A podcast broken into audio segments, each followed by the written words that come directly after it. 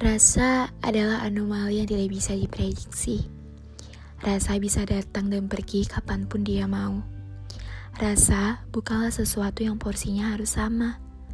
Kadang rasa yang kau beri tidak berbanding lurus dengan rasa yang kau terima. Maka, ketika rasa untukmu pergi, berhenti bertanya kenapa itu terjadi. Ubah apa yang masih bisa diubah. Lepaskan apa yang sudah tidak bisa diubah.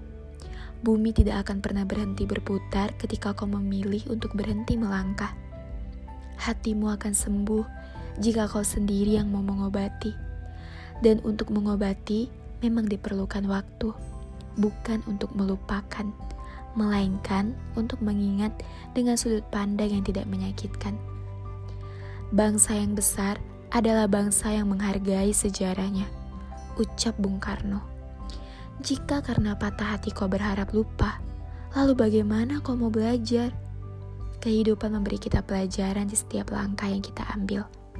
Dan tidak semua pelajarannya menyenangkan. Meski pelajarannya menyakitkan, toh kita belajar. Kita belajar untuk tidak jatuh di lubang yang sama. Untuk tidak mengulangi kesalahan yang sama. Kita belajar tentang bagaimana caranya merelakan. Maafkan dirimu sendiri. Hap hapus tangis itu. Berdirilah, berjalan sajalah. Kelak kau akan tiba di satu titik di mana kau berhenti mengasihani dirimu sendiri dan mulai menghargai dirimu sendiri. Saat kau sudah tiba di titik itu, kau akan menemukan sebuah kalimat baru. Kalimat yang jauh lebih indah dari semua getir. Dirimu lebih besar dari sebuah rasa kehilangan hidupmu lebih agung dari sebuah rasa sakit hati.